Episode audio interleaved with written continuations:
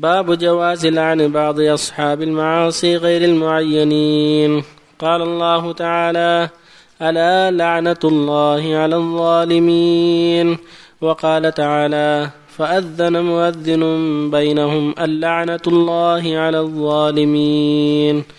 وثبت في الصحيح أن رسول الله صلى الله عليه وسلم قال لعن الله الواصلة والمستوصلة وأنه قال لعن الله آكل الربا وأنه لعن المصورين وأنه قال لعن الله من غير منار الأرض أي حدودها وأنه قال لعن الله السارق يسرق البيضة وأنه قال لعن الله من لعن والديه ولعن الله من ذبح لغير الله وأنه قال من أحدث فيها حدثا أو آوى محدثا فعليه لعنة الله والملائكة والناس أجمعين. وأنه قال اللهم لعن رعلا وذكوان وعصية. عسوا الله ورسوله. وهذه ثلاث قبائل من العرب. وأنه قال لعن الله اليهود اتخذوا قبور أنبيائهم مساجد وأنه لعن المتشبهين من الرجال من الرجال بالنساء والمتشبهات من النساء بالرجال وجميع هذه الألفاظ في الصحيح. بعضها في الصحيحي البخاري ومسلم وبعضها في أحدهما وإنما قصدت الاقتصار بالإشارة إليها وسأذكر معظمها في أبوابها من هذا الكتاب إن شاء الله تعالى. وبالله التوفيق صلى الله. صلى الله وسلم على رسول الله وعلى آله وأصحابه من اهتدى بهن أما بعد فهذه الأحاديث المتعددة الصحيحة كلها تتعلق بلعن العصاة غير المعينين يلعنون باسم معاصيهم لا باسم أعيانهم فلان ابن فلان ولكن بمعاصيهم كما قال جل وعلا ألا لعنة الله على الظالمين. يشمل المشركين ويشمل العصاة. وقال جل وعلا فأذن مؤذن بينهم اللعنة الله على الظالمين. قال صلى الله عليه وسلم في الحديث الصحيح لعن الله الواصلة والمستوصلة والواشمة والمستوشمة والواصلة تصل شعرها بشعر آخر أو شبه توهم أن أن شعرها طويل وكثير والمستوصلة التي تطلب ذلك؟ وهكذا الواشمة والمستوشمة التي تستعمل الوشم في خدها أو في يديها وهو غرز غرز اللحم بالإبرة ثم يجعل مكانه كحل أو غيره يكون وشم. وكانت العرب تفعل هذا الرسول صلى الله عليه وسلم لعن من فعل ذلك. كذلك لعن آكل الربا وموكله وذلك يفيد الحذر من هذه المعاصي. كذلك لعن من غير منار الأرض. يعني مراسيم الأرض لأن تغيير المراسيم يسبب الشحناء والعداوة والاختلاف والخصومات. ظلم منار الأرض مراسيمها. تفصل بينك وبين أخيك أو بينك وبين الطريق. فالذي يغيرها ملعون بنص الرسول عليه الصلاة والسلام. كذلك لعن من ذبح لغير الله من يتقرب بالذبائح للجن أو للأصنام أو لغيرهم من معبودات من دون الله أو للنجوم. يقول صلى الله عليه وسلم لعن الله من ذبح لغير الله. لأن الله يقول قل إن صلاتي ونسكي يعني ذبحي ومحياي ومماتي لله رب لا شريك له.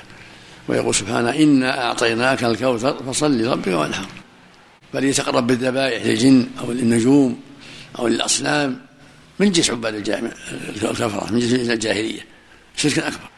كذلك لعن عليه الصلاة والسلام من لعن والديه ولعن من آوى محدثا.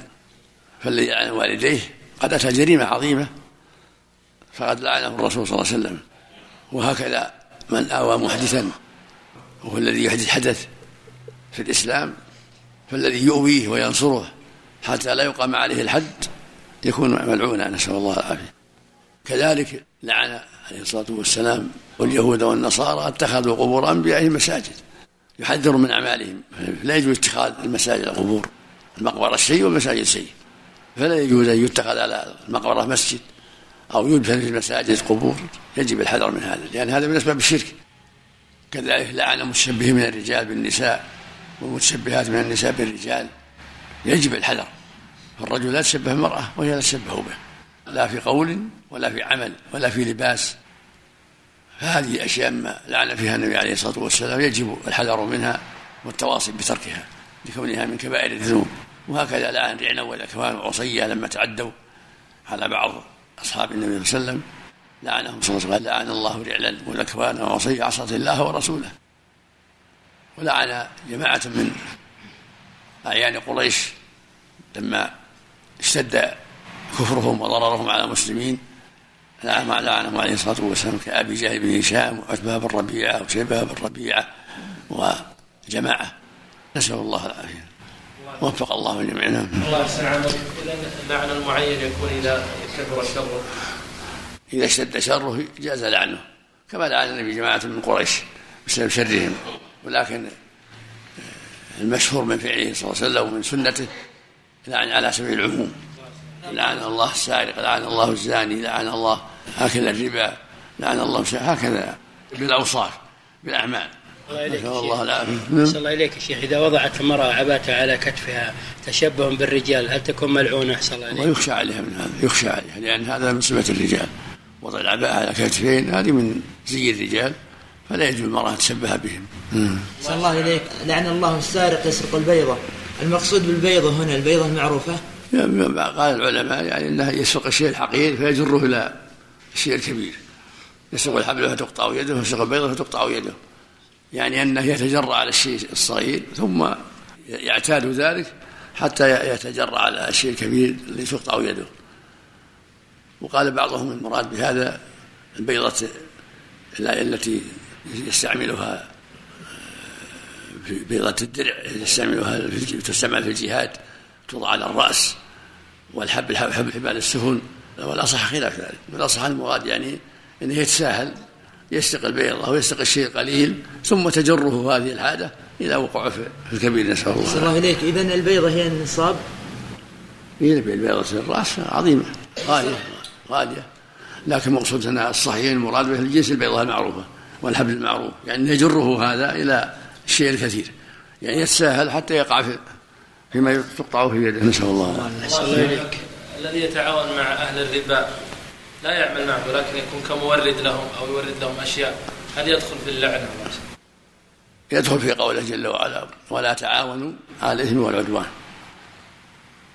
الله جل وعلا حذر عباده من التعاون والعدوان على الربا وعلى السرقة وعلى قطع الطريق وعلى الغش في المعاملات وعلى كل ما يضر الناس.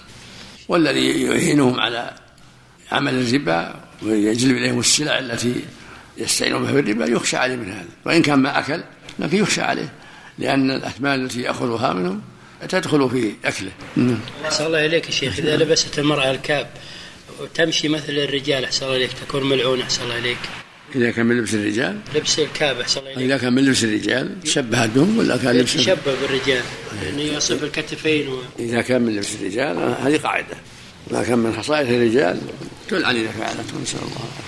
نسأل الله عليك رجل أخطأ في سورة الفاتحة يا شيخ من غير قصد. هذا الإنسان خطأ خفيف غير المعنى ما يضر. الإنسان غير المعنى ينبه. ينبه وينبه. حتى يعيد الكلمة.